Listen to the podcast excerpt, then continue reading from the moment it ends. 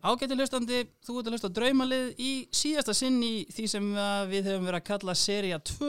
Uh, ég er hér sem fyrri í bóði viftunar viftan.is og sem fyrri í bóði skrúudeildarinnar í Bíkóð og Granda. Þau mál eru öll saman í vinstlu en uh, ég hef verið afskaplega ánæðið með aðstof Bíkó og skrúudeildin hefur núna verið að velja yðnamann sem síðustu tíu skipti og þeir með hafa mikla þökk fyrir það. En það var viðmælanda þáttarins. Uh, viðmælanda þáttarins þekki allir podcast lögstendur.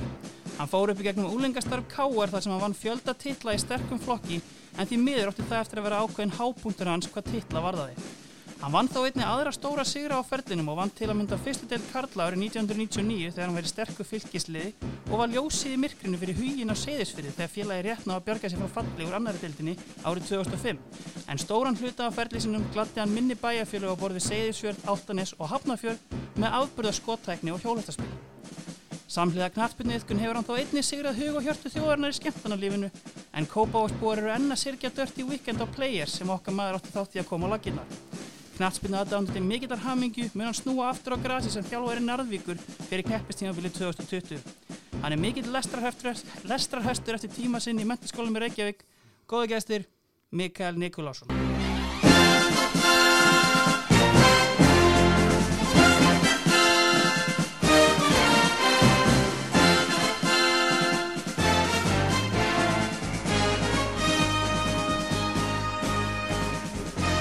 Þetta kannski verið betra. Ekki?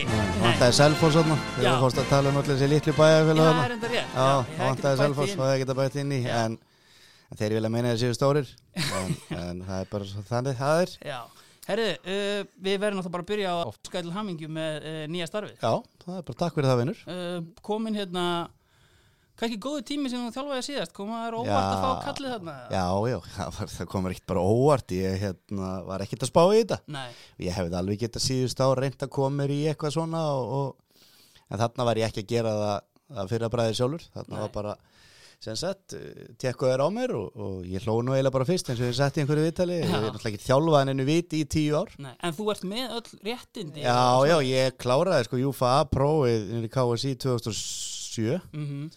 þannig ég er Júfa þjálfari en ég þarf eitthvað að, að uppfæra það og hvort ég er að taka eitthvað loka próf aftur eða setja eitthvað námskeið eitthvað því að þú ert að gera okkur tíma, ég er náttúrulega maður er ekkert að gera það þegar þú ert ekkert inn í þessu. Nei, og þannig að það, þeir hljóta þeir hljóta hérna, ég er búin að gera svo mikið gott fyrir KSI að þeir hljóta að henda mér ég er allan búin að borga fyrir það og, Já, og á já, já. sínum tíma því ég var alltaf að þjálfa þannig lið að ég bara borga þetta sjálfur, Já, ég með langaði að klára þetta Einmitt. Þannig ég er allan búin að ná öllum prófum og, og taka öll námskeið sem maður þurfti að gera alltaf að gera það. Mm En ef við svona pælum bara svona, ef við klárum svona þjálfvaran Mikael, ertu svona, myndur þú segja að væri svona eins og Arna Gunnlaugs og Óskar Rapp svona fastur í ákveðinni hugmyndafræði eða Ég, ertu ég kannski það meira bara mynda mér aðeins þannig og já, já, ég er hrifin að því sem þeir eru að gera. Mhm, Ég get alveg sagt þér það. mhm, En, en ég meina, ég ætla ekki að segja það að eins og ég sagði við Njarvíkingan og, og Óskar kom nú, ég hef oft búin að koma inn á sem dæmi, ég þekki hann alltaf mjög vel, við erum góði vinnir og mhm, að þú veist að það sé bara alltaf gert það sama eiginlega.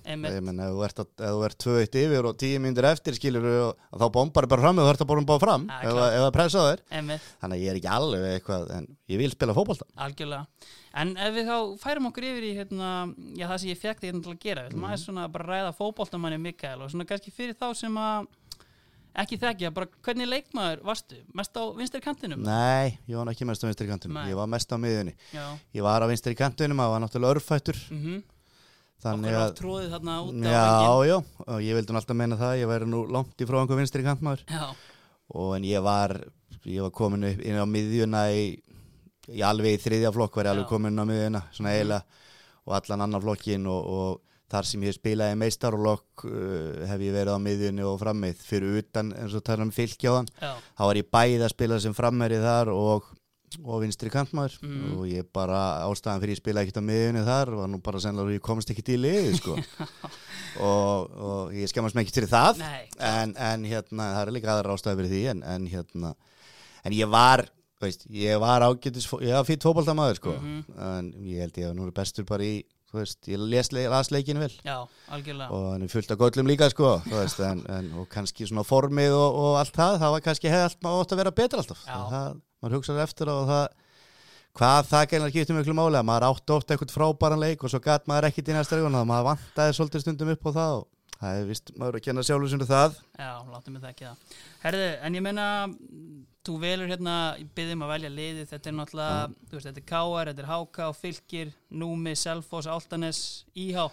Já, ég lagðist alveg yfir þetta og ég er búin að hlusta svolítið á þátt og Já. það eru margir hérna sem hafa komið inn á þátt sem hafa spilað með starri og með, með leikunni en það er alveg gæjar sem er ekkit í liðinu af mér sem er allansleiki og annað sko. Algjörlega, en spila eitthvað skæðins minna með þeim og Mhm. kannski lítið og jafnvel eitthvað mjög lítið. Já, en þú veist, að, fullt af legendum í K.R. sem að, þú veist, og allt við með það en ég ákvað svona að taka þetta bæði úr, úr K.R. yngur lokkunum, sem var náttúrulega í tíu ár og, og, og síðan í þessu liði sem þú taldir upp Mhm. Já. uh, nema ég held að enginn aðna, ég hugsaði þetta vel Mhm. til að reyna að hafa þetta nú í lagi já, ég held að sé enginn aðna úr Selfoss nei, einmitt, það passar. Herru, við yppum okkur þá bara í þetta. Uh, leikkerfið, hvaða, hérna, hvaða leikkerf er á hendi?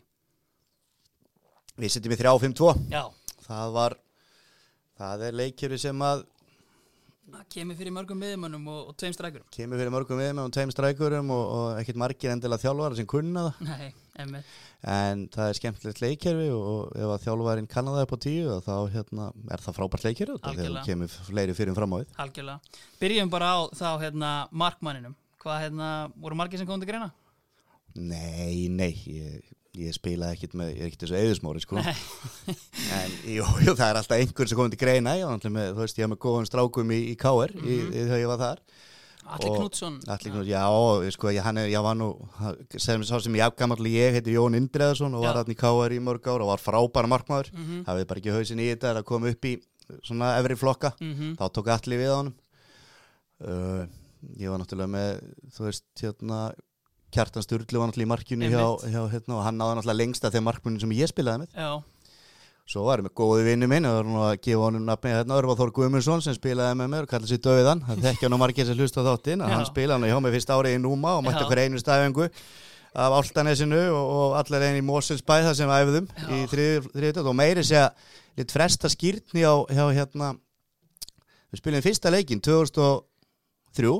við uh, móti gróttu, minni mig, upp á hérna, tungubökkum og hann, að, hann var að skýra og leikurinn datt á sama tíma þannig að hann frestaði skýrtinu tvo klukkutíma til að spila með Núma, fyrsta leikin í Íslandsmóti og ég set nú respekt fyrir það. Algjörlega. en ég verð bara sérstaklega því Hjörvar var nú hjá þörnum daginn. Já, og uh, valdi mig ekki í lið og vil meina þannig að ekki Arnur Guðjón sem fram með mig.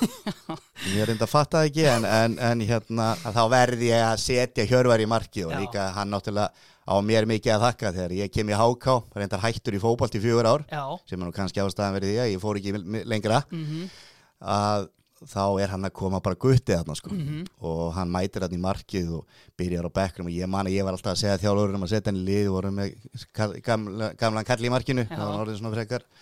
Var ekkert í toppstandi en alveg fýtt markmaður en ég Já. vildi fá Hjörvar í markið og, og hann stóð sér vel en mér líka bara respekt fyrir Hjörvar. Við vorum með ömulegt lið sko. Í HK vorum í fyrstu Já. skítöpuðum sko flestum leikjónum mhm, og, og hérna en við vorum ekki, þú veist, við vorum með fullt ágætis leikmönnum eftir á heikja en, Mhm. já, en hérna en við vorum ekki sérstaklega þjálfaðir og, og vorum ekki mjög góða standi og, og ég ber bara respektur í örvar að bara haldi reynilega áfram í fótbolt eftir þetta og ég er reyndar komir úr HK komst í fylki sko þarna á miðju sísoni. Hann fór ekki eitt eða neitt og hann endaði þetta með að tapa 13-0 fyrir breðablik og svo bara fer ég aðeins aðeins með val tveim orðin setna einmitt, og þá er hérna Hjörvar bara naðal markmaðurinn í val og bara búin að stækka um 20 cm og bara orðin sko já svona massar eins og hann vil meina hann hafi verið síðan. En ég og Hjörvar erum bara bestu vinir og ég, þú veist, ég hef alltaf að hann varð aldrei frá mér hérna í HK og einmitt, en ég verð ekki gefa hann mitt og hann náði langt. Með við svona, þú veist, hvað já, með fyrsta sísona sem var ekki, ekki til útlutnings og það var ekki honum að kenna sko en, en hann var bara ekki að spila með nógu góða lið 17 ára, En eða þetta, 18 er, ára. en þetta er einmitt svona hérna, sem að svona, hérna, Hjörvar vildi ekkert gera sérstaklega mikið úr en, en hann var náttúrulega mjög efnilegur markmaður og, hérna, og eins og ég segi fer til Stók og til Þýskalands Já, og, svo eftir, á, eftir þetta, já. Einmitt, en, veist, en sástu svona strax þó hann væri bara þú veist, 17-18 ára Nei, hann er náttúrulega að spila í meistarlokk Gulli, Gull var þarna sumar áður. Mhm, Byrjar þarna eitthvað aðeins Gulli minni mig þarna bara Svo fer hann í káar Já, Þá fær Hjörvar svona aðeins tækifærið og, og þannig að hann nýtið það, ég myndi 98 Mhm. Hann er 18, nei hann er 80 mótil já, Hann er auðvitað miðár í öðrum. Hann er náttúrulega fættur 7. oktober þann Já, hann er miðár í öðrum Já, vantilega mhm. Verst þú þar líka, 7. oktober Nei, það er Guð blessi Ísland hann Já, já, um já, já, já, já, já hættu þann dag og, Já, og hérna þannig að ég menn hann færi tæki að færi snemma og hann var áhugaðsamur eins og hann náttúrulega vita allir að hann er um fótbolta og, og bara eins og ég segi, ég bara ber respekt fyrir hvað hann náða langt með þess að með að hafa lent í þessu liði átjónar margir menn myndi bara hætta sko fara bara inn í bæ og BF5 eða tunglið var þá held ég.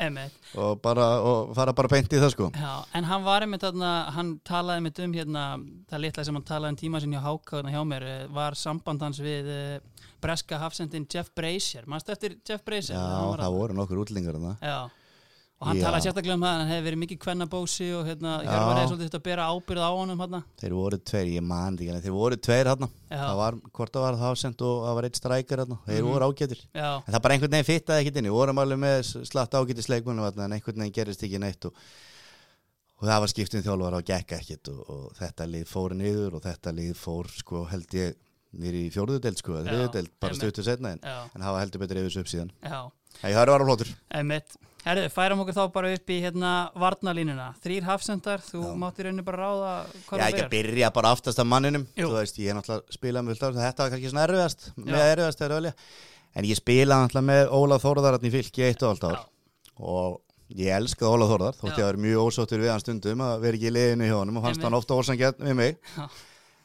Og En það bara, þú veist, ég har ekki takt að spila með Óla Þórðar Sko eitt og allt sísón á þess að setja hann í liða Því ég er ekki með einhverja hundra landslýsmenn Sko, alanslýsmenn Nei, Og hann náttúrulega á að vera í flestum liðum Hjá flestum leikmölum, hefur hann spilað með honum. Algjörlega. og ég hafði helviti gaman Óla og Óli var alltaf að láta mann heyra það og, og svo hann var alltaf svo harður og mikill og svona, svo var, hann var, var engin í fylkislinn sem hendi sér oft jafn, mikið niður og hann.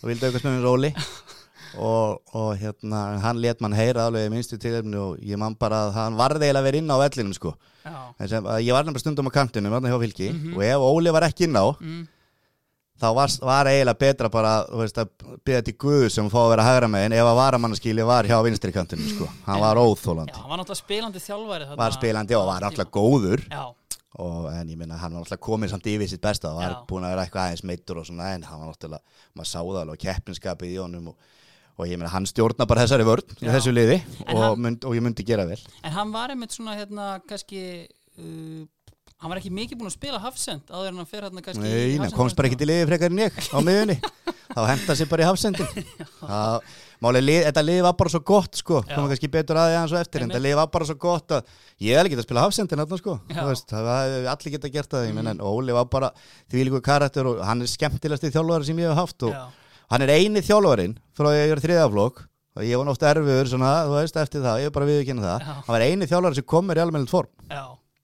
Var eitthvað sérstök aðferð sem að Já, betta hann var sérstök, hún hljóst svona 40 km úti yfir veturinn. Og svo spilaður þrísar í viku líka í 90 myndur, það var bara aðferðin. Og svo voru, svo voru hnepi aðengar og tókst þetta svona 200 hérna, sett á hver einu staðingu, þetta var allan veturinn. Þetta var að- aðferðin, Það virkar. Já við rústuðum deildinni. Já, reynda með með þessi ítrekka með mjög góða leikmenn en þetta var, við vorum að hlaupa þetta 30-40 km í viku úti. Já, og svo að Gulli Jóns og félagar í skaganum Já. mörg ár eftir sko, örgulega með martræðir sko. Ég var bara einn vitur í þessu sko. Herði, Óli Þórðar, hverjir eru hinnir með honum? uh, ég ætla nú að taka einn hérna sem að eh, ég verða að taka inn og hann verður ránað með það. Og hann var spilar hendur aldrei meistarlósleik Mm hann er eina baldin, Átnason Já, hann er alltaf bara minn æsku vinur og besti vinur all yngjurlokkan í KR og hann var frábær hafsend.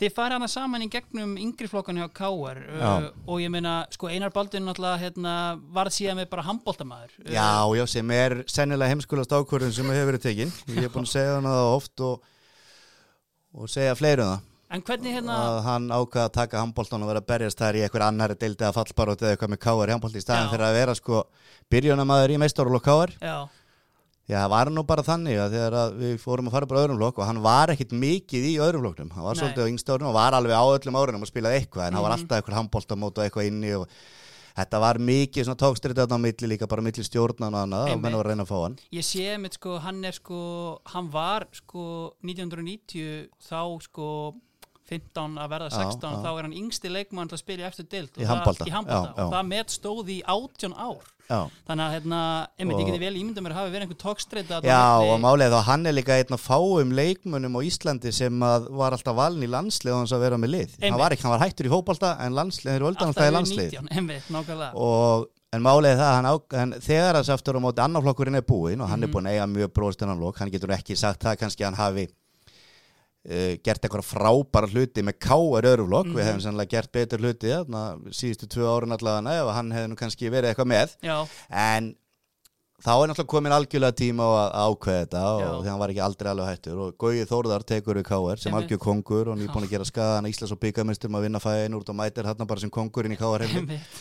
Og það lágu hann einhverjir sko 13-14 landslísmenn og, og Atin, með ég kalla Atin og veist, Sali Emi Possa og svo James Bett og Daði Dervits og fyrir utan alla íslensku strákarnir sem voru þarna, Rúnar og Heimir og Einar Þó Danielsson og fleiri og fleiri einmitt.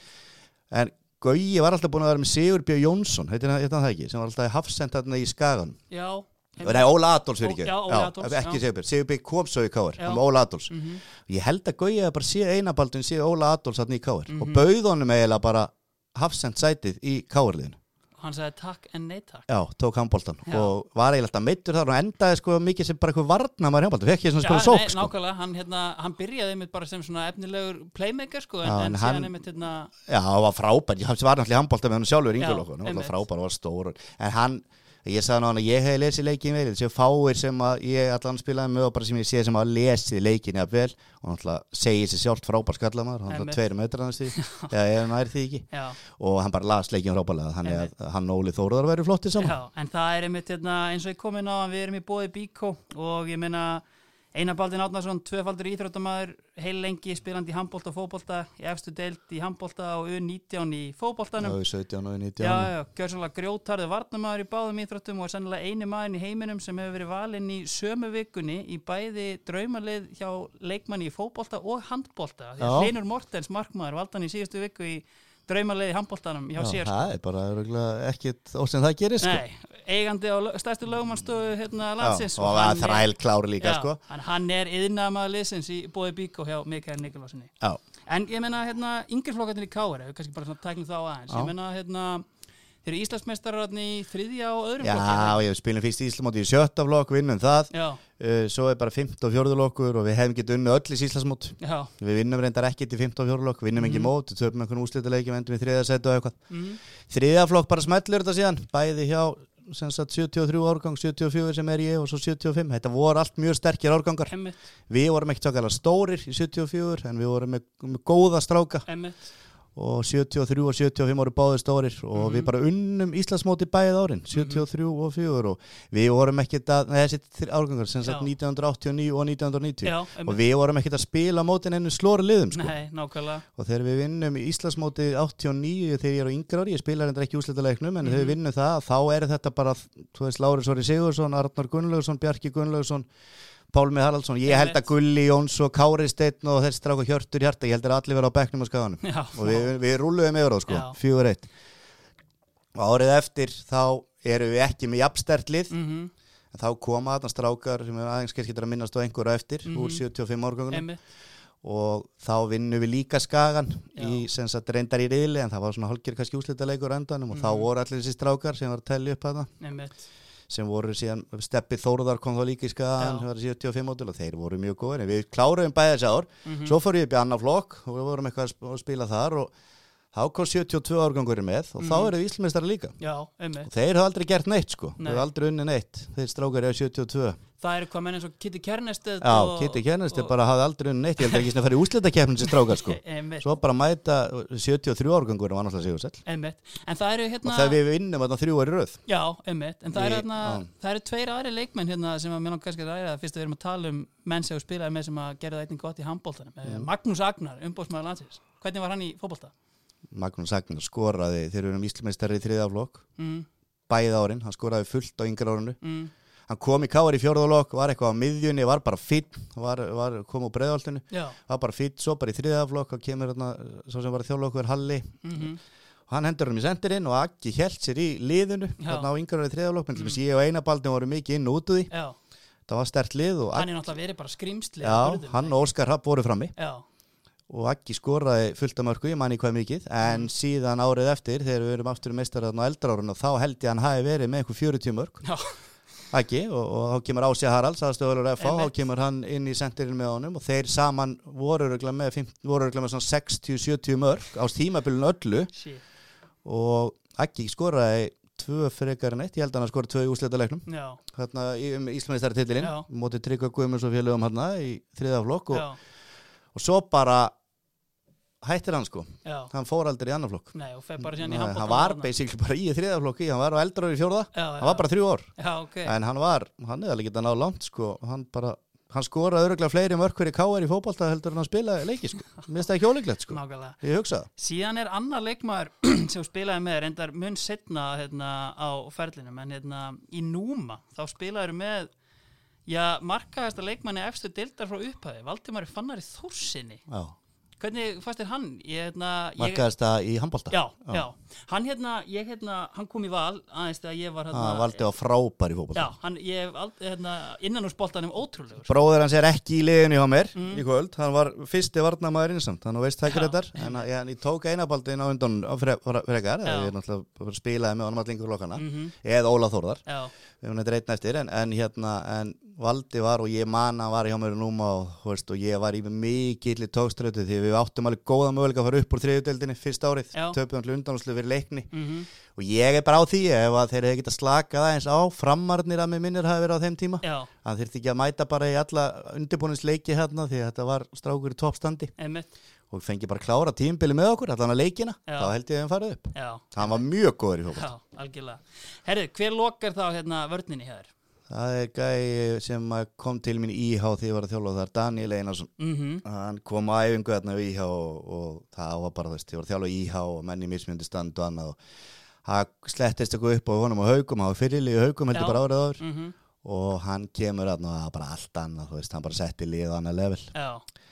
Og, og hérna bara frábær hafsend þegar hann var ekki að röfli með að spila á miðjunni. Mm Mhm. var oftast hálf tíndur þar. Frábær hafsend og ég var þjálfaðin og ég var í mörg ár og telli mér núna á nokkuð góðum árangur með og ég var ekki, gæti ekki þann eldur en haft hann hann inn vegna þess að hann var svo mikill yfirbörða maður Já, í þessi fjögur, fimm ár sem ég var í hjá. Mhm. þegar ég hætti síðan einhvern tíman já, Nei, bara eftir liti fyrsti aðan árið og hætti ég einn einhvern smá tíma, þá kom ég honum í fram til Óla Þórar. Ég Mhm. Ringdi bara í Óla Þórar og sagði taktan. mm Það var ákvöra típan fyrir Óla og hann var í byrjunleginu og fram þá gæti bara í fyrsta leikhaldi Já, þá meiðist hann eitthvað Mhm. hann, bara fó, hann fó bara í, í byrjunlega fram hjá Óla, ég vissi alltaf að það myndi gerast og hann var sterkur og, og, og góðu skallam og, bara, hann var bara virkilega góðu hópaldum sem ekki annað miklu lengra sko. Hann fer einmitt sko, hérna, þú skilar honum úr íhá og bara beint aftur upp í pepsudildina þegar hann í hauka, hérna, þegar þeir eru uppi, sko. Já, svo fer hann þangað og, er líkil maður þar Einmitt. og var náttúrulega þar áður og, Fer síðan á reynslu til K.R. eftir það tímabil, Já, sko. ég held að ég mani hvort að ég átti ykkur þátt í því Já, mögulega, Mhm. ég mann það ekki alveg en ég var, hafði að hann hefði getað spilað í byrjunli öllum þessum liðum sko. já, Sýstir hans er nú í fótbolta já. hérna, Pála Mari hérna, Já, fylgta já, landsleikum já. og valsari Mm og, og Danni var bara, veist, allt og góður fyrir íhá, en hann var líka allt og góður við sjálfa sig á þessum tíma og hann gerði mér alveg krikkin á milli, sko hann, hann er búin að rólega síðustu tíu árin Já, en hann, hann fannst gaman aðeins að skemmta sér eins og mörgum öðrum og, og, og hérna, mættum við genið sinni leik hjá mér. Nei, nei, og það var eitt mikilvægst í leikurinn þegar við fórum upp á þriðjudeldinni fyrsta árið. Það var sunnudegi og þetta var bara líki leikurinn komast í úslutakefnina já, mann ekki móti hverjum og þetta var upp, á, hérna, upp í hafnafyrði og hann bara mætti ekki. Það var ekki svo þegar hann var það góður ég gæti ekki hendun þótt ég myndi gera það í dag hjá Njarvík ef einhver mætir ekki, er að hlusta strákar. Já, og þá, hérna sem eru þarna. og þá er það ekki í bóði en Nei. þetta var í há, við vorum í neðstu deild og við þurftum að komast upp á fyrsta árunni Einmitt. náðum því, en Dani, á frábær hásend og gæti spila með hvaða liði sem er hausin er verið aðeins betur skrúaður á já, emmitt. En ég meina að við förum bara yfir hennan tíma hérna hjá þér í IH. Þú ferð til IH eftir að þú ert á seðisfyrir, Já, já, var sér þarna með Binna Gæst Já. spilaði þar, það var hrikalega gaman Mm og þú sagðir að hann réttslöpu við fall við réttslöpu nú kannski ekki við fall en við enduðum í 8. sæti Já. við tapast sístu fjórum af fimm leikjónum við vorum með mjög gott lið þegar Mhm. áttum maður í toppáratinni hjá mínum mati -hmm. það var bara ágætt, það var svolítið flott tíminni mig frá að segja sér eftir það Mhm. sísón Já, og þá fór ég og íhoppuðum mér að koma að þjálfa og ég gerði það með einum öðrum mm til að byrja með, Gretari Sveinsinni hérna Mhm. -hmm. það gekk bara vel og við unnum hérna unnum þarna þriðudeldina Mhm. nei unnum hann ekki, fórum upp. Já. hérna, Og eru, eru síðan bara í annari dildinni bara á fínu róli, er það ekki meðan þú ert þarna? Jú, við vorum ekkert á fínu róli. Einmitt T.V. Danni, hann bjargaði okkur nú 2007 Já, við vorum ekkert með sérstætt lið. Nei, og hann bjargaði okkur manni með tvei mörgum upp í Mósbau, unnum afturhelding og heldum okkur uppi. Mhm, uh, síðan var fjölgað 2008 mhm. þá lendi ég í þessu fræga tindastólsmáli. Einmitt og sem er nú kannski búið að fara alveg nóga mikið yfir en, en við náttúrulega heldum okkur bara uppi og ég taldi það bara góðan árangur og Já. okkur 25 stig einmitt, í þetta var hörku sterk deild já, og það var 2008 og síðan 2009 að þá sko þá vorum við bara með gott lið endum í sjötta sætið, þeim alveg gett enda over Mhm. ég held að það hefur eitt lið í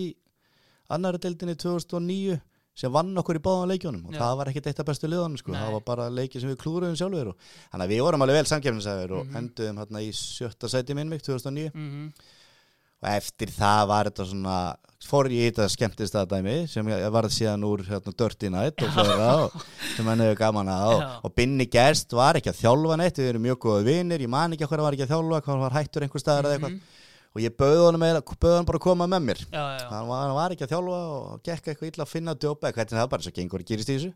Bauði hann að koma með mér og svo bara fann ég að þegar mótið var rétt byrja bara að, hann hafði bara meira áhuga en ég, ég var bara búin að missa áhugan á, á þessu dæmi. Mhm, Þannig að ég bara, hann tók þetta og það fór bara í góðar hendur og hann svona rétt held þeim uppi 2010, Mhm. en síðan hefur þetta því miður bara ekki gengið nóg vel hjá þeim. En- þeir líka, já, þeir líka fá bara ekki nóg mikið stuðning. Er það ekki með málið, veist, ég meina að reka svona, já, svona kannski innan gæsalöpa vensla félag sem að kannski færi nánast engan stuðning, ég meina ákveði Já. afreg bara að halda Já. þeim í annari dild og annars lit. Jú, það er bara nákvæmlega þannig sko, Já. ég meina, þú veist, núna sitt ég þetta með einhvern stjórnarverðin mín í Arvík og segjum okkur að reyna að fá þennan, hvað getum við mögulega að bóða honum, skilur við bónus á leiki og svona, íhá fekk bara engin eitt Nei, og ég meina við vorum að spila við Reynir Sandger og einhver liðmann í þetta 2009 sem voru með einhverja 8 eða 9 gæja sem hefur spilað efstu Einmitt. og við vorum að vinna þá, þú veist, og þeir eru með betra lið en við. Mm og ég meina það bara er og ég meina ég segir svo líðum svo KF til dæmis og svona sem hefur aldrei verið í miklu samstarfi við KR, rétt svo núna að þetta er bara,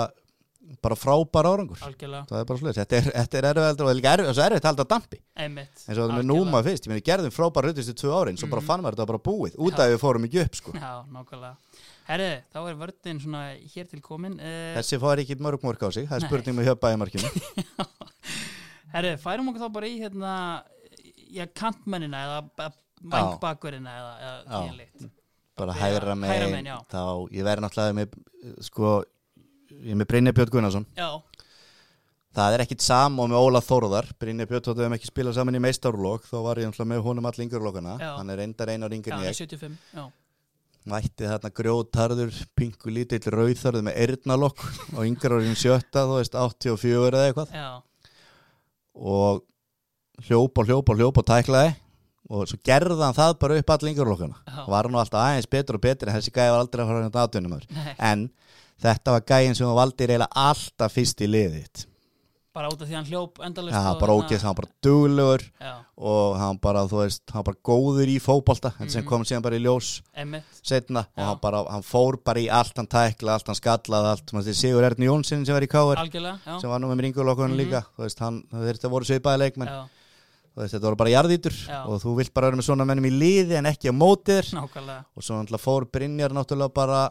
Brynjar Björn fór náttúrulega 300 sem lengara heldur en nokkur bjóst við. Ég var svo með honum hérna í mentaskóla Já, og þá voru við nú bara báðir svona svolítið á seipuðum stað bara, hann- ég var nú bara eiginlega hætt, hætt að þessu sko nefntis ekki og, og hann var ekkit á einhverju róvar stað og öðru lokk og svo í byrjun í meistarlokk og þá leist mér eiginlega ekkit á hann. Mhm, byrjaði hann að gauja á Þóruðar og það var eitthvað smá vesen. Svo bara einu, tveimur ára setjan er að besti maðurinn í meistarlokkum í já, svo bara þreimur ára setjan er komin í landslið já, og svo er hann bara atvinnum og svo spilar hann bara eitthvað 300 leiki í. Englandi eða hvernig það er 500 eða whatever og, og þú veist og líka að maður fór einhvern tíman ég fór einn svona anfield einmitt í þjálfaraferð. Og ég mann Mhm. satt með heimi Guðjóns og sátum alveg á neðsta bekk og þá var sem sagt vorum á neðsta bekk alveg við hotfónan mm, rétt inn að vellinum.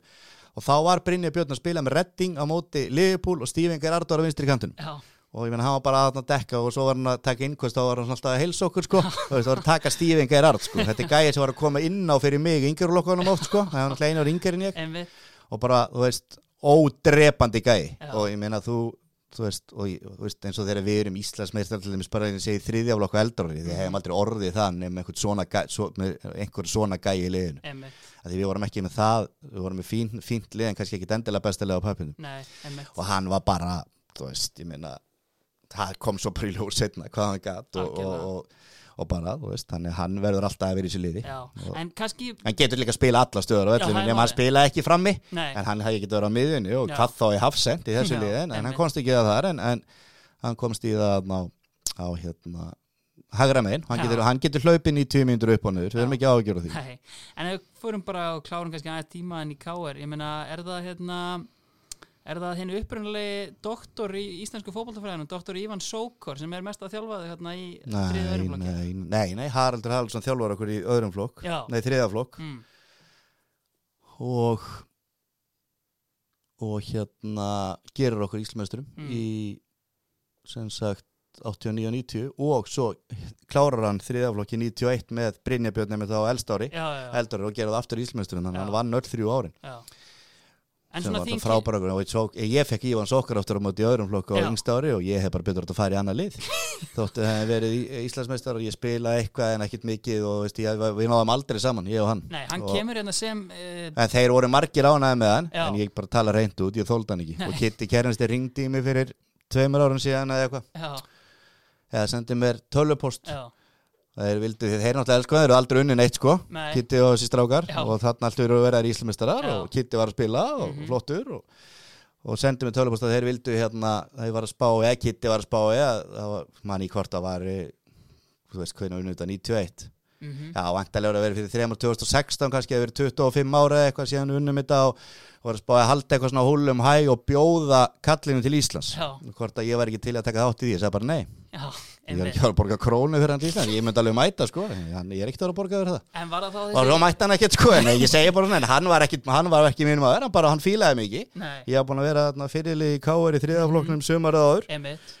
Og tal, taldi mig vera að spila mjög vel. Mhm, og annars hefði ekki unni mótið. Nei, og þótt aðrir hefur að gera það líka. En hérna hann bara basically, þú veist, ég mætti bara þarna í veturinn og ég tel mig alveg að þetta átti að alltaf verið í þessu liði þarna í öðrum flokknum sko. en hann bara fílaði mig ekki á fyrsta Nei. þannig að ég, ég var ekki hans maður og ég var ánar þegar hann hætti og, og hérna, hann var bara þetta eina ár með sem tekuði meistarloknum síðan. Já, og ég fekk, að, ég fekk, ég, ég fekk ekki svona mæta æfingarna mínum með meistarloknum þegar að nei, hann tók við sko. Nei, við, var, okkur, við náðum ekki vel saman. Nei, en hvað hérna, eins og þú segir, þú kannski hættir hérna, þú hættir bara eftir annan flokkin, hvað, 93 að 94? Já, ég byrja á Gauja Þórðar hérna í tvo mánu og held ég að bara standa með nokkuð vel. Mhm, kannski ekki rosalega mæli hverja, ég var alltaf ágæts innan úr spilari. Já, og það var náttúrulega bara, við vorum bara að hlaupa svona, veist, þetta var nú tiltölu ísi hlaup fyrir áramót og liftingar, já, svo bara tvær innánsæðingar í viku, mhm, þú veist, það var ekkit annað. Mögulegum var ekkit klár og það var bara ekkit annað. Þannig var þetta bara. Og ég bara ég var búin að fara í Viking mhm, á elsta ári öðrum. Já, ég lenda þessi á kantarna við Janus sem að koma þarna Janus Guðlaus og eftir honum var hann kannski mikið meira að kenna. Ég kennir svolítið Ívan Sokkur um þetta en Janus og ég náðum oft vel saman. Hún, ég veit að hann fílaði með sér leikmann og ég veit alveg að hann var að gera fullt af góðum hlutum. Einmitt. En það var, var samt mjög yktur í en var, en það var kannski minna fyrir góðum hlutum að fara hjá Ívan Sókur eða?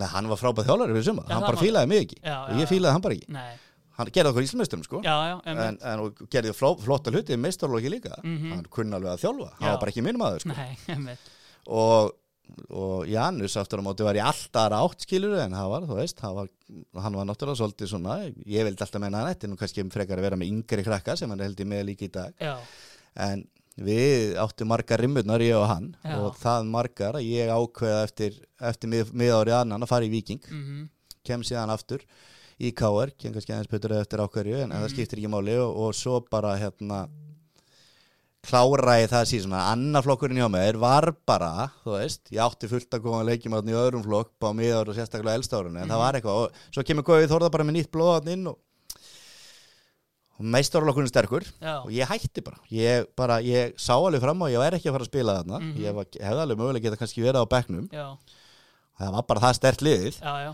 að ég nefndi því ekkert. Ég nefndi ekki að vera að hlaupa og gauja en einhverja 30 km í viku til að vera á bekknum. Ég hefði bara ekki á nei, og ég held ennþá í dag ef ég ekki farið í vikingana þá hefði ég bara farið í eitthvað annað lið. Ég, ég held ég komist í mjög mörg lið á þessum tíma þótt ég komist í káar lið mhm, þá hefði ég bara farið í eitthvað annað lið. Ég bara nefndi ekki að fara í annað lið þegar ég var nýbúin að gera það mhm, og áhugin bara einhvern veginn svona var ekki alveg nóg mikil já, og svo bara mætti ég ekkert aftur fyrir bara æfingi á HK 98 já, fjórum árum setna já. Færum okkur þá í, í vinstri kantmannin, Gunnar Þór Pétursson, fylki. Club Legend hjá Fylki, já, og klöp bara lettsindu mér. Já, frábær leikmaður. Mhm, Gunni heyrnalösi, það heyrði aldrei neitt. Nei. það var fínt. Hann, hann gæti spila allan vinstra með Óla Þórðar í hafsendnum eða Óla Þórðar fyrir utan. Hann heyrði Mhm. hvað sem er ekki hvað hann var að skrási sko, hann skipta hann einhver máli. Og spilaði bara sín leik fyrir utan, það var toppmaður þá var hann bara með frábæra vinstri fót og hann alltaf var í öllum yngir landsliðanum Mhm. og bara, mér fannst hann að ég- mörgu leiti bara einn af tveimur, þreimur bestu gaurunum í fylkislið, Mhm. hann var alltaf í liðinu. Nema þegar ég sló hann ekkert út í 1, 2 og 3 á leikið eitthvað, hann var ekkert meira. Já, og hann var bara, var bara algjör toppmaður fór lítið fyrir honum. Með minnir svona, það veist, þú menn vildu æfa hálf sex eða eitthvað þú veist það var ekki takt í Gunni þurfti bara að vinna til sex, hann var bara smiður. Það var ekki takt, þú þannig að þá þurfti bara að æfa setna, því að hann þurfti að vinna klára sína vinnu, að smíða svo mætti hann bara á þú veist, laði upp sín mörg frábara vinstri fót og svo bara eftir að ég fór þú veist, þegar við vorum að gera góða hluti í úrastelt, þá held ég að mjög allir eftir honum einmitt hann hefði átt að spila einhverja landsleiki á þessum Mhm. tíma að mínu mati og, og það er lítið meira en það að segja það var einn af fyrstu mönnum að blað hjá mér í þessu liði sko. það er enginn sem kemur nálætt honum að í þessari stöðu og Nei, fyrir þetta að það var algjör toppkarakter En ég meina, kannski aðeins þú ferð þarna í fylki eins og þú segir, þú kannski stekkur frá þessu hérna, sökkvandi skipi í HK eftir einmitt 6-1 tap á móti fylki Já, Kjartan Másson tók við og það var svipað með Kjartan Másson og, og hérna og hérna Doktorinn. Ívan Svokkold en alltaf öðru vísi, hann bara tók við og hann bara hafði engan á að hafa með þarna, sko. Já, og við bara rifist eitthvað og ég spurði hvort ég mætti ekki bara reyna að fara. Já, ég hafði ekkert mikið, ég hafði tvo daga félagi minn var að spila með fylki. Já. ég hafði mætt á einu æfingu hérna í veturinn.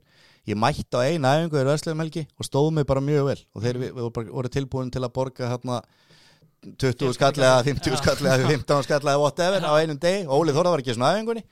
Það var bara allir já, og það bara, ég held ég að skila mínu og rúmlega það fyrir fylki, heilt yfir en, en ég náði að komast þarna, já, já. Á miður sísoni. Sem síðan betur fer, segi ég nú bara sko. En síðan náttúrulega tekum við þetta tímabil þetta 99 og, hérna, og það er kannski svona hérna, já eins og ég kom inn á svona hápunkturinn kannski Já, við, ég meni, ég hef aldrei spilað með svona góða leikmönnum. Nei, Þú veist, jú, jú, ég er með yngurlokkunum Þú veist, ég var alltaf í bestu liðanum þá Eitt af þreim fjórum bestu liðanum yngurlokkunum mm Ég Mhm. þekkti ekkit annað. Nei, Þekkti ekkit annað frá í fótball heldur en að vera bara spila, spila í bestu liðan og vinna 80, 85% leikjunum sem spilaði. Já, Svo kemur að það sé háká Því ég hætti náttúrulega bara fjör Ég hefur ekki tapað alltaf leikjum Þannig 94-98 hefði ég bara verið í fótballta sko. En kem ég að í háká og, þá svona þú veist Fór maður að tapa þær í KFA og tapa 6-1 og segir í fylki og skallagrím og eitthvað og svona Þú veist, maður hafði ekkert verið í þessu. Nei, svo kemur maður bara í fylki og ég minna liðið, þú veist það ég er ekkert að móka, ég sagði þetta fyllt af fylkistrákum í sumar sem eru miklu dótt af fútbólaðaðandur og Já. margir toppstrákar. Að ég minna þú veist þetta lið sem ég var í og síðan 2-3 ára eftir eftir ég fór þeim sem styrtu sig á mjög góðan hátt, Já. með fáum en góðan leikmönnum. Mhm, þetta er langbesta fylkislið sem Já. og þetta lið 99, þetta var næstbesta lið á landinu, við vorum bara vittlusið deild. Ég verið Íslandsmeistar já, við fórum í úslitaleikin í Reykjavík á móti KR mm, Við unnum KR í Íslamótinu innan hús, úslitaleik töpum úslitaleiknum í Reykjavík á mótinu fyrir KR mhm, töpum minnum í framlíkingu í úslitaleik í Deildabikar á móti Skaganum. Rústum þessari fyrsteld stiga með það sem, er, sem stendur en þá sem að hvað er að segja, þá stendur en þá já, og förum svo í sexta úslit í eitt frægasta leikbar sem er verið á KR-öllin og móti KR sem að þeir vinna fjögur þrjú sko. Já, já, og vinna síðan tvöfalt KR-ingarnir nákvæmlega, og þú veist, þú gerir eiginlega ekkit betra. Ég meni, við ef fylgir ekki ekki káar í sextarlúslutum og ekki dreigist, þá er bara að spila úslitaleikin við á þá líka, held ég. já, einmitt, og við vorum að spila þarna við þessi lið á undirbúinustímbilinu þarna var Reykjavík á móti og Deildabikar allt annað en núna. Einmitt, þarna var bara úslitaleikurinn við káar í Reykjavík á mótinu bara, þú veist, 300-400 manns bara í mæ, sko. Á mö mölinni Já, bara, og, og Deildabikarinn líka, þetta var allt rétt fyrir mót, sko. Einmitt, og þú veist, það var tekið, það var, tekið alvarlega og það voru bara allir bestu mennitin með í öllum liðanum Mhm. og, og við vorum að vinna öll þessi liði efstu deil til að easy, flest hver hérna á þessu undirbúinustímbili sko. En það líka þú horfum bara meina, svo fóruði náttúrulega upp þessi strákar og, og ég hætti en, en, en sko en hérna þeir tapa hvað, einu stíi 2000 Já, fyrir káver, þú veist, bara nýkonur upp. Já, en þá einmitt hérna komum við að því að þú einmitt fylgir fyrir upp og, og þá ferði í Selfoss. Já, ég fór í, það, var svona já, já. Í Ég hef átt að halda áhrif með fylki. Bjarni Jó kom.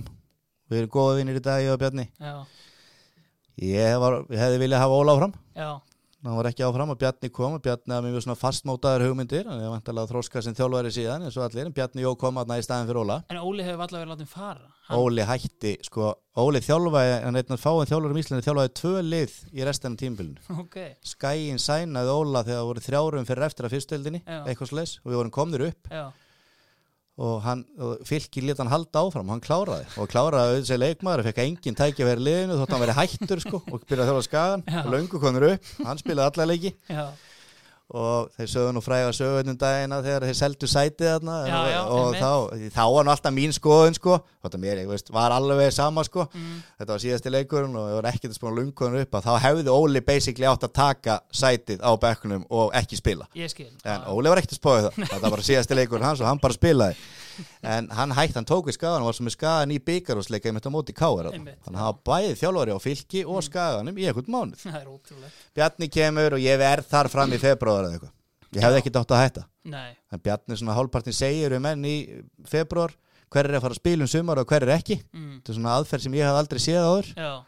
Þrýr mánuðir í fyrsta leik. Emitt veit ég hvort að Bjarni nóti þess aðferð en þá Já, en síðan bara þegar móti byrjar í mæ að þá náttúrulega voru bara þessi gæja sem að hann vildi meina að væri jafnvel ekkert að fara að spila voru jafnvel bara að byrja mótið sko. Já, já, eins og gæti náttúrulega alltaf gæst því að þú veist ekki í februar hverju byrja mótið í mæ og maður geta meðist og annað og emitt ég átti ekki að fara og þá fór ég á, fór ég svona flakk, fór ég með aðeins á val hjá Eyjup mm og svo kemur það upp að Siggi Helga ringir í mig hann var að þjálfa KS, mm. Mm.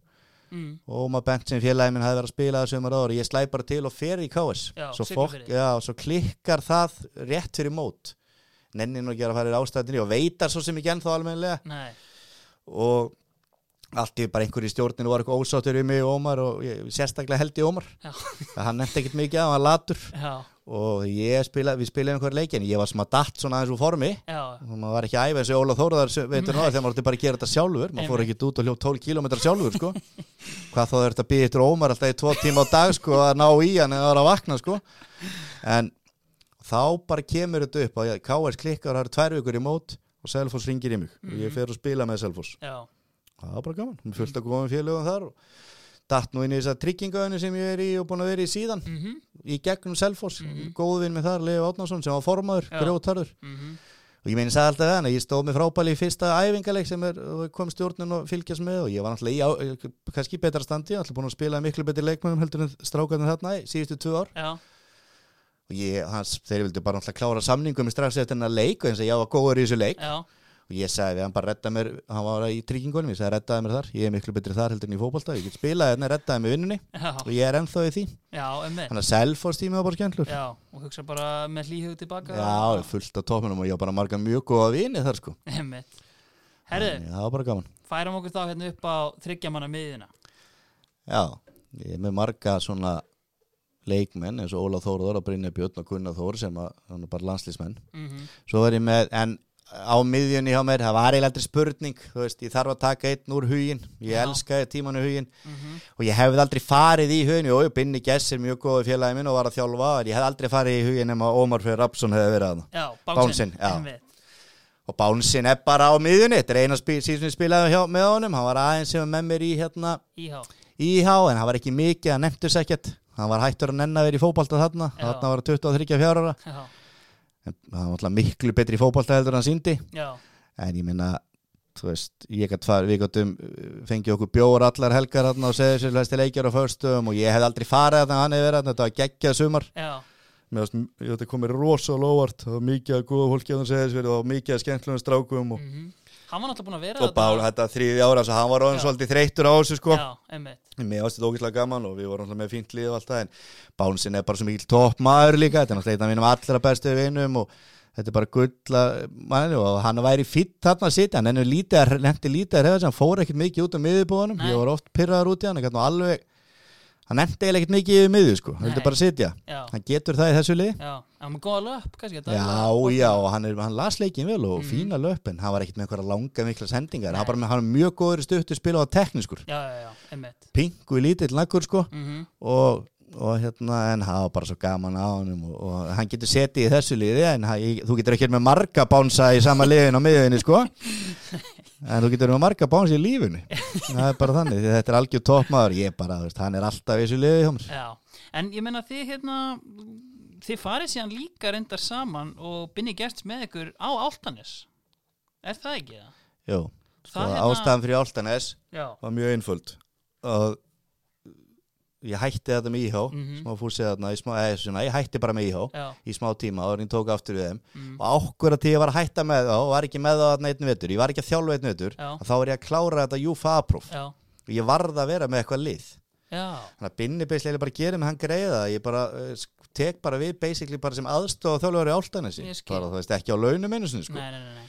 þú veist og bara þannig ég stjórnaði einhvern þannig að þegar það voru verklega æfingar sem væri restina þarna í Mhm. þessu dæmi Já, að þá hérna að þá var ég sem sagt með æfingar og stjórna leikjum hjá áltanesi Ég og það nægiði mér til að klára þetta. Mhm. Það var nástaðan fyrir fórðan sko. Já, en þetta er einmitt bara líka þú bara, eða þið báðir þið sænið þarna bara í meðan mæ og eru sem farnir þarna í Já, svo ringir í, nei, í og bara talaði við mig bara eftir tvo leiki aftur í Já. deildin eða Já, og ég fer þangað aftur Mhm. og þjálfa það og, og, og mann ekki hvað ég var að spila eitthvað og ég man ekkit hvað, ég held að Bán sinni örgulega ekkit spila marga leiki mástans ektar en enn þessu binni hefur auðlaði í honum allan vitturinn og hann hefur mætt hann rétt fyrir móta eitthvað og spilaði eitthvað kannski, Já. maður veit nú ekki, mann man þetta ekki sko, Nei. hann spilaði mikið að það var leikjum ekki mikið sko Nei, nei, hann var ekkit að nennu sér þetta var, hann var að gera allt annað um helgar Bán sinni heldur en að vera eitthvað nenn að vera einhver fótballtæng En það, kongurinn í Áltanes þessum tíma og fyrirliðin var náttúrulega Kjartan Atti Kjartansson. Já, Hve- við erum alltaf mjög góða vinir. Já, hvernig var Kjartan hérna og er náttúrulega spilandi ennþá?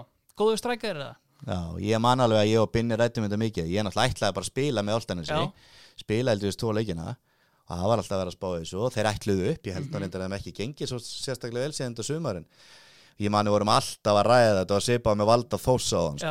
að að þetta að með Að það skiptir óslega miklu máli hvort að stjarnan færi einhver úslitakeppnin í körfubólta í fyrstu til sko. Já. þá var ekki snefust deild hvenar hann geti komið sko. já, hann var klárlega líkil mönnunum og var bara mjög góður í fótbolta mm. -hmm. þannig að kjartan algjör toppmaður og ég heldur hafi nú farið í súslutakefni stjarnan og svo tók hann eitthvað körfun af fram yfir það einmitt kannski sniður þar Já, en hann var góður í fótbolta já, algjörlega Herðu, hver eru með bánsanum á miðinni? Ja, það eru tveir sem geta hlaupið. Já, og þannig að bánsin þarf að geta hlaupa mikið. Ég fyrst mynd, teki Ívar Jónsson. Já, ég ætla bara að viðkynna að þetta er eiginlega eini maður í liðinu sem ég vissi ekkert hver var. Eh, Ívar Jónsson? Já, Ívar Jónsson legend í HK spilaði með breðablík líka spilaði sem með fram. og, og þegar ég það var fyndið sko, ég var saman í HK og eru bestu vinnir, kynntumst þar. Já, og Ívar Jónsson er harðast í gæi sem hefur spilað fótbolt á Íslandi. Já.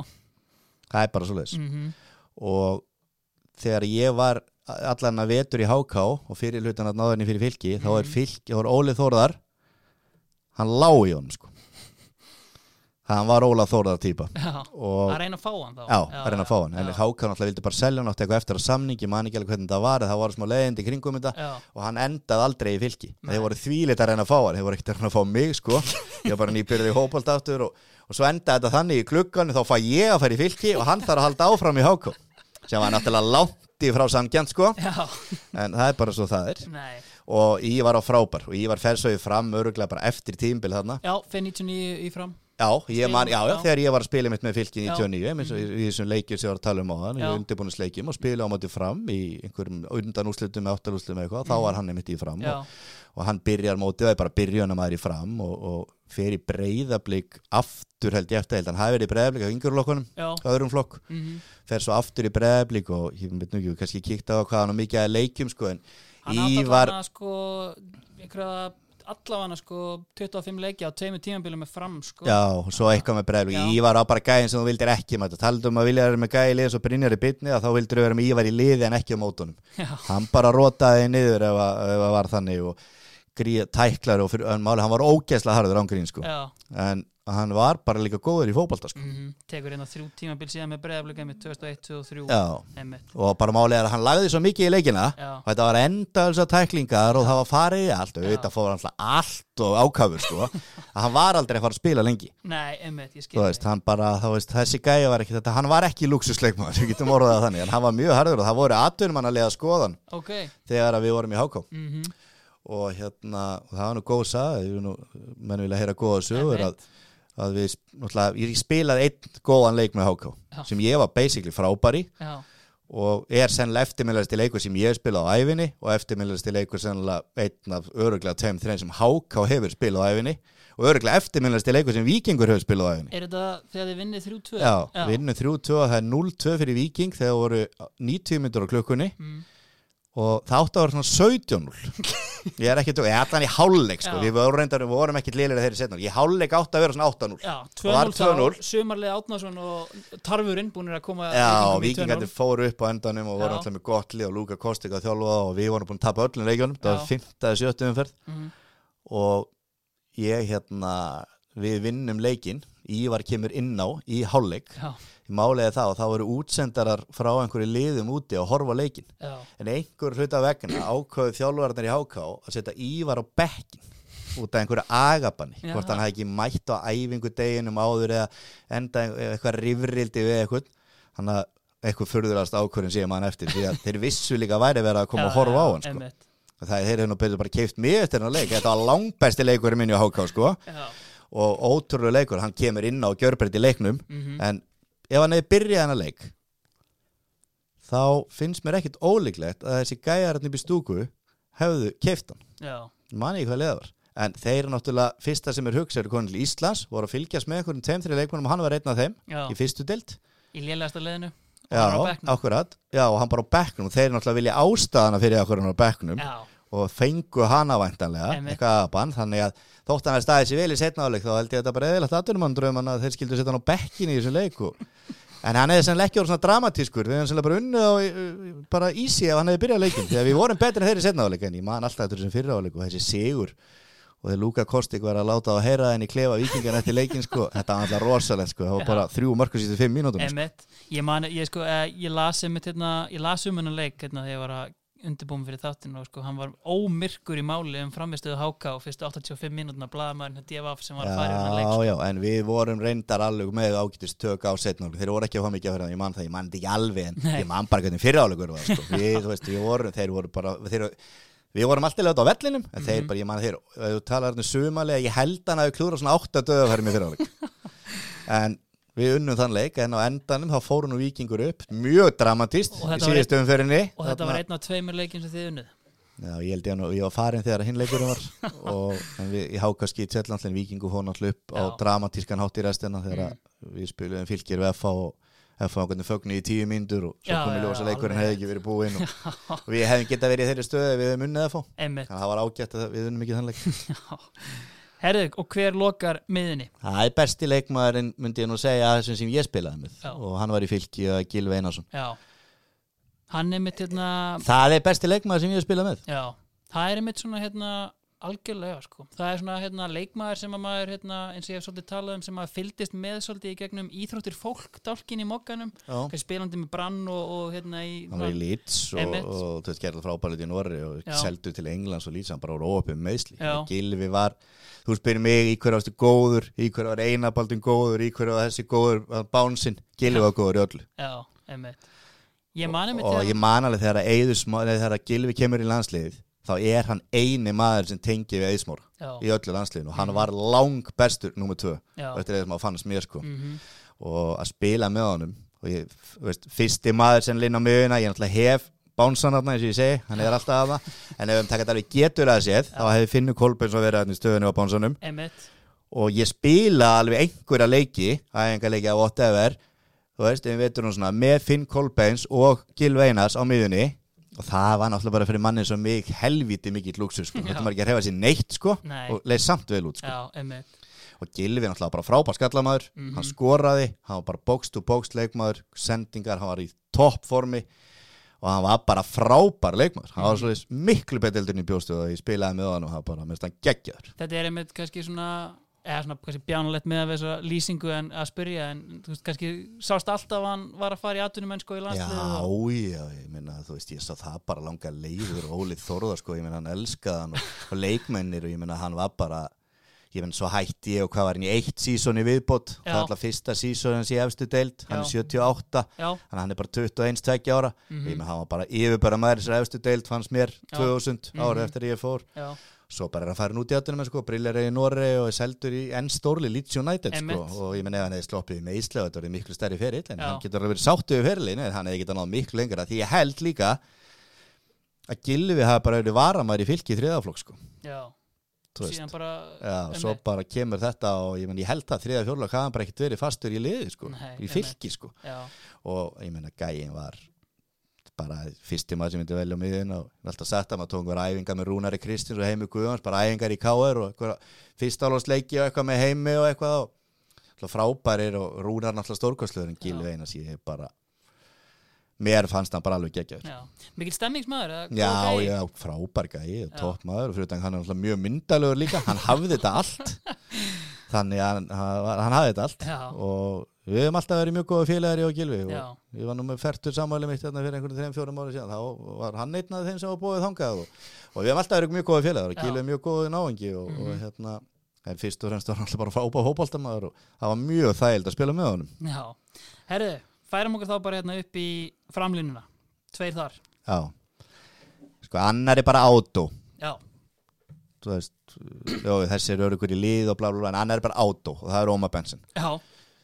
Ómar Benson já, uh, Ómar Benson spilaði alltaf með mér í KR hann spilaði með mér í Núma, hann spilaði með mér í IH var hann ekki í fylki hann spilaði með mér í Fylki, við spilaði með mér í Fylki. Ég kom Mhm. náttúrulega fyrir tilstöðul hans í Fylki. Já, og við spilaðum saman fyrra árið. Var Mhm. hann fyrir á þann Siglufjörð. Já. spilaðum nokkar leikið saman. Mhm, og hann hefði náttúrulega ekki orðið aðdunum sko.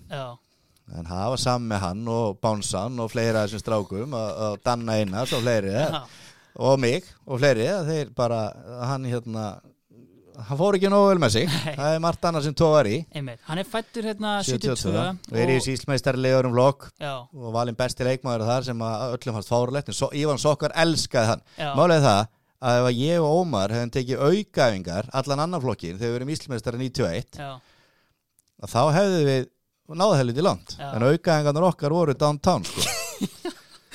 en, hann, en einhver hluta vegna þá elskaði Ívans okkar Ómar Já. elskaði hann, Já. en hann þoldi mig ekki og en Ómar er bara byrjað að spila meistorlokk árið eftir og já, árið eftir, nei, En jú, árið 92 eftir já, árið eftir, já. já, og er markaðist leikmaður Íslandsmótsins eftir sjö leiki með átta mörkaðu já, einmitt hann einmitt nákvæmlega, hann fær breykið með KR og spilar þar 2-3 tímabil en síðan einhvern veginn kannski Það fer ekki út í Danmörkur, kemur Já. til Gauja Þórður og hann og Gauja voru vist ekki alveg að vinna vel saman, þá var Nei. ég nýhættur en ég Mhm. bara heyrt ára á honum og, og var alltaf að spila með sem þetta var fyrsta flokk held ég um sumarið og, og bara var að skora og skora held ég, það var Mhm. mikill markaskorari. Já, og, og hérna og hérna Gauji gaf hann aldrei tækifæri þannig að ætla ætla hann ekki bara farið í fylki þá í Mhm. klukkan, minnst það ekki dólíklegt ég man þetta nú ekki alveg, hérna 94 einmitt.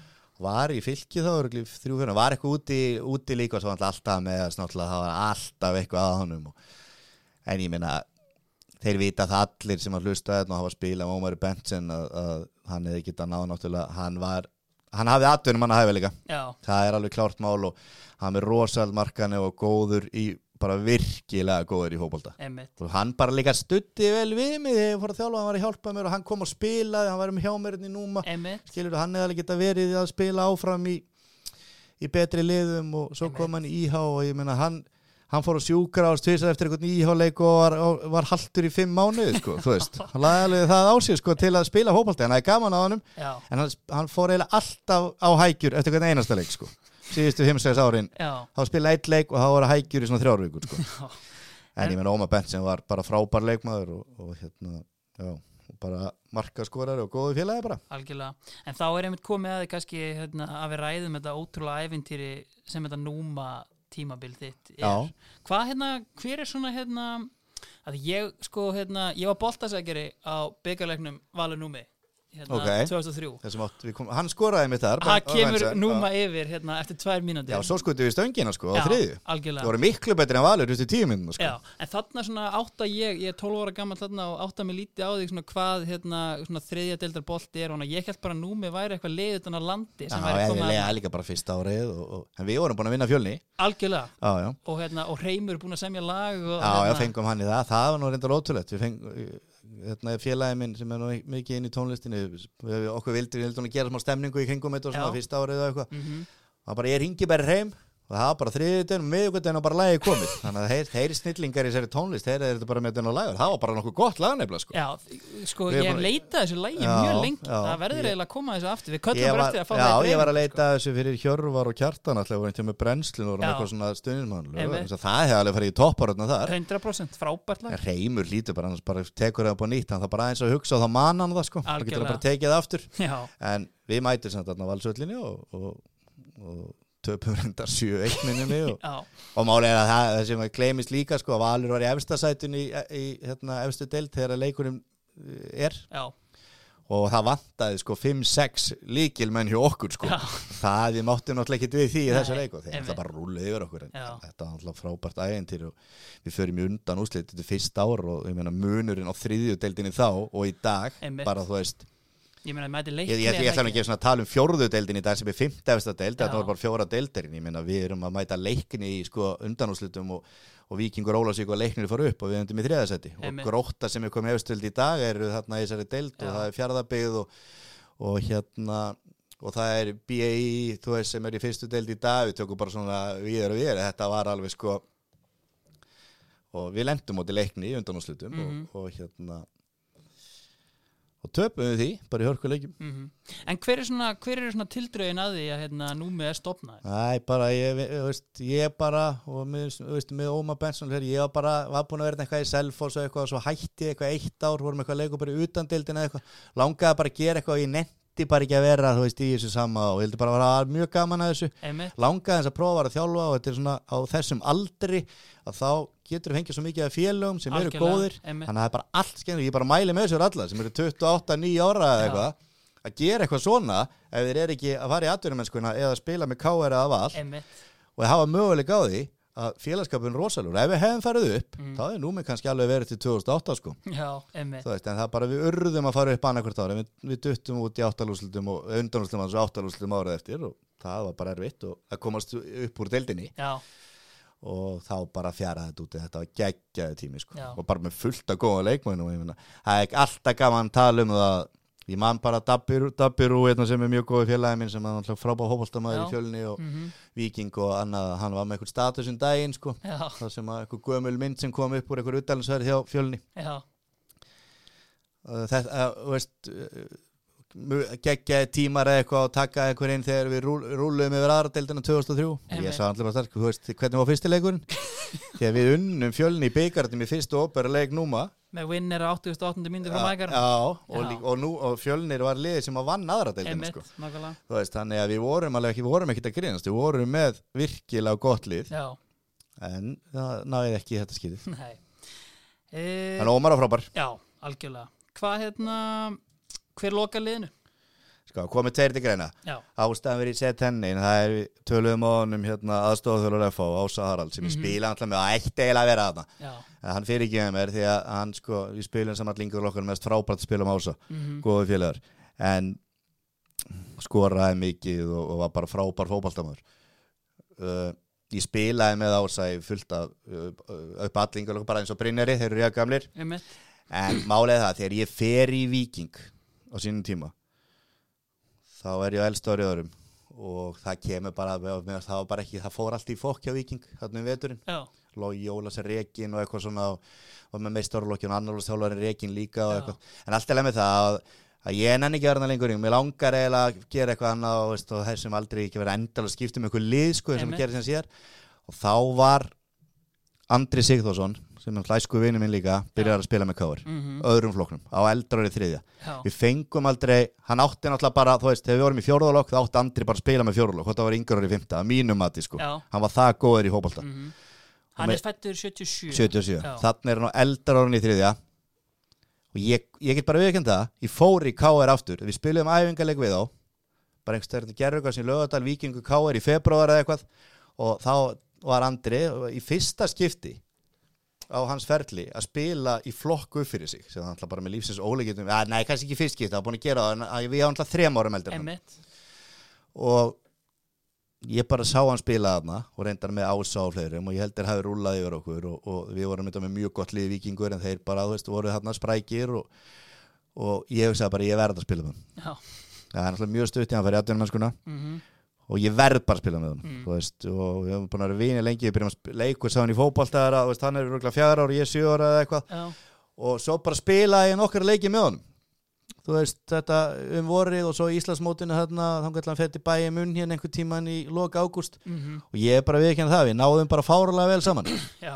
Og Andri er alltaf tala held ég vel um mig sem fótboltamann við náðum vel saman, ég elska að spila með góða leikmunum ég Já. spila, í einhverja, var einhver landslýsæfingum með, á sínum tíma með Guma Ben þannig að nú í mörgum liðum hérna veit ég. Emmett ég get ekki sett hann í liðum þetta því ég tók einhverja tveið þrjá landslýsæfingar með honum og hvernig það er, ég spilaði mjög oft á mótonum Já, og mér langa alltaf að spila með honum. Já, en hann var bara alltaf akkuriri og svo anskoðast hann í fram hérna í fjórðulokk þannig að Já. vera að drulla sér í káar emmett þannig að þessi tveir gæjar náttúrulega bara á öðru leveli og Andri var veist, og ég bara stolti bara að spila nokkar leikimæður með það góður í hópolta Einmitt. er toppmaður og bara þú veist, ég meina, jú, Gil Veinas er hópar í fótbolta og, og, og Brynja Björn láði langt og Óli Þórin Andri Sigurð, sko, ef Andri Sigurð sig ekki meðist þá væri hann, þú veist, hann var ekkit slakar heldur en eðismóri, sko, þeir voru bara svipuðu leveli Það er henni gleymist algjörlega í umræðinni bara þú veist, marka rekordi hjá hennum bara sama hvað hann var er algjörlega ótrúlegt bara hérna Já, hvort sem er bara í Austuríki, Noregi eða K.R. Sko. Já, Ká er alltaf bara mingur lokkum svo 2000 vinnur bara titilin fyrir það og Já. ég meina hann meiðist þarna í einhverjum síðasti leikur hans með mér Mhm. var upp á Skaga, ég man alltaf eftir því þá var hann borin út af Já, í öðrum flóknum og þá er hann bara að fara út í bæin einhverjum tveim, þreim vikur senna hann, er- ég mani þetta ekkert, hann segir kannski einhvern tíma frá því eitthvað en hann hefur öruglega farið mittur átt nút, sko, þá ég man hann mittist í þessu leik. Mm, og ég held í bæin hafa hann bara þegar að best gekk ekkit verið langt bara frá að fara alla leið sko.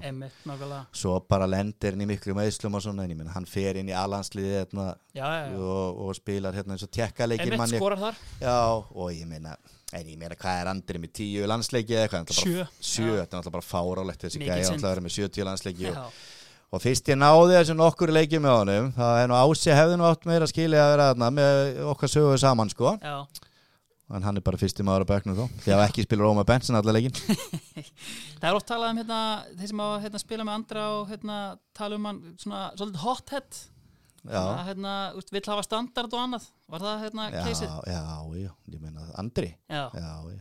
það er bara þannig, ég meina það er bara skap í honum eins og allir í fjölskyldinni og, Já. ég meina, en það bara skipt það er svo gott, þú veist, eins og ég er að tala um Gilveina svo er þetta að tala um andra og svona, er svona gæja að spila með svona góðum fótballtöfunum þetta Já. er svo mikill munur, emmett það er bara þannig þú finnur það bara þú ert að spila með þeim. Já, og ég var svona að spila sem miðumæður framleikjandi miðumæður, mikið á þessum tíma og fá gæja eins og andra fram, það bara skiptir öllu máli, þú getur gefið boltan og fengið hann sem þú vilt fá hann og menn skiljiði sko. og hann var þannig leikmaður, enda náða langt og hefði náttúrulega náða miklu lengra. Algjörlega Herrið, þá er liðið komið, ef við förum bara yfir þetta hérna. Uh, Hjörvar Hafleðarsson í markinu, þryggjamanna vörn, Óli Þórðar, Daniel Einarsson og Einar Baldvin Átnarsson, innamaður leysins í búið Bíkó.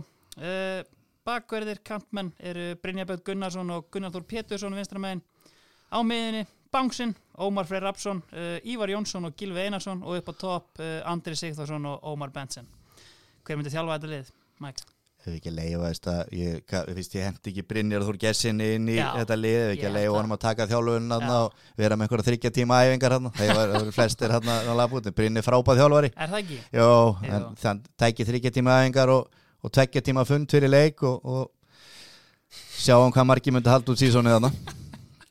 Bánsi myndi ekki gera Nákvæmlega, en er einhverju svona kannski sem þú hérna, við erum svona að tala um einhverja leikmenn en svona einhverju sem þú vilt gefa svona shoutout sem að voru nálægt liðinu Já, ég sagði hérna Greta Þórsson og svo Já. það binni í vörninni og Ási Haralds og já, Finnur Kolbeins, ég meina ef ég ætla að setja eitthvað back, þá væri þessir þar og, og hérna ég var nú með einhvern öfn þarna Já. uh, Rappkjell Helga sem var í fylki sem Einmitt. formaður núna, hann var frábær líka. Þeir voru margir góðar enn í fylki og hann, hann, þeir voru á miðjun náttúrulega, hann og Mhm. Finnur og, og Kilvi, þetta var ekki döðveld eða við þetta. Mm og, og ég og Gretar, já, Gretar Bráðans Valda var í Selfossi. Hann er ekki svona einu selfossi sem að Andri Sveinsson spilaði með mér uh, alla yngjörlokkin í Káarinn Jafn Gamall og strákarnir hérna uh, Brynjar og, og, og hann hérna Ási fór í þrótt spilaði þar og hann spilaði með mér og fyrir Já, með huginn, já, hann mhm. spila alla stöður á vellinum og þú veist, traustur leikmaður. Mm þannig að það er alveg, þú veist fyrir aðdándu mínur á Eh, uh, án- spila náttúrulega Vala Reynis Nei, Ekki? ég held nefnilega að Valli reynir Það er málega þegar ég kom að Selfoss þá var, erlendu þjálfari Já. Selfinsingar þóldi ekki, gátt ekki verið erlendu þjálfari Nei, ok. Það- Þeir voru bara búin að vera með einhverja uppalda kalla, kalla bara sem að stöður Selfoss og pappi er að frendi eða eitthvað Ok. Svo kom bara erlendu þjálfari með einhverja kröfur og þegar ég mæti það þá bara eru allir sem átt að geta eitthvað bara eiginlega hættir og svo þegar það fer í gangi illa og erlendi þjálfarinn höndlaði ekki alveg nógu vel Nei. Sem ég fílaði alltaf vel sko Mm að þá bara náðu þau allir lið sko Já, Þú veist, hann var svolítið þannig en betur að hann var kannski breyst en, en hérna, en ég spilaði aldrei með honum og, og hérna og ég held að að koma örgulega árið eftir á mjög góður í Já. ég held hann ekki tekið eitt leik að það var leikmann svo Kjartan Helgason þarna. Já. hann mætti þarna, skemmtilegur Já.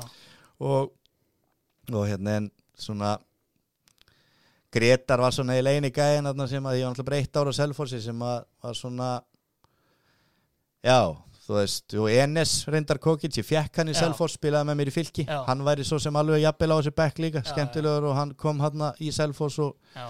og var góða leikmaður, hann var svo mikið meittur Já.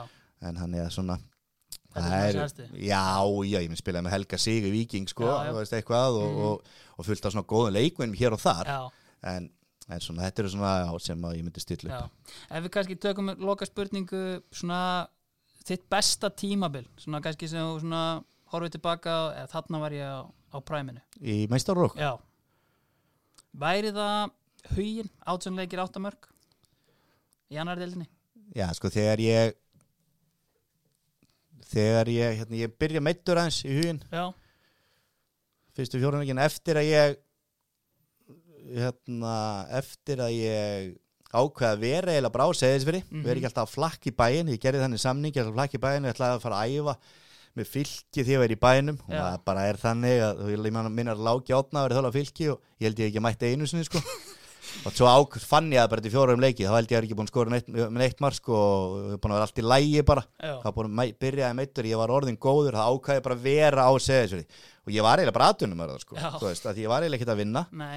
Og ég verið að viðkynna það svona þegar að, ég held svo ég segi sjálfur frá frá kannski svona 50-70 umferð og fram í svona 15 umferð í 2-3 mánuði þá hefði ég alveg getað að spila ofar Já. heldur en í huginn, mm annar deildinni það ég var mjög góður sko. Já. en, en ég, þú veist, en ég gæti ekki í byrjun. Nei, og svo er restin að verða einhvern veginn búið. Já, Já, það sísón, náttúrulega bara fylki sísóni líka og sérstaklega svona og Ólið Þórðar hendi mér náttúrulega bara út á fylkisliðina því að Ólið Þórðar eins mikil toppmáðar að var að hann þurfti að koma og nöfna honum að einhvern veginn.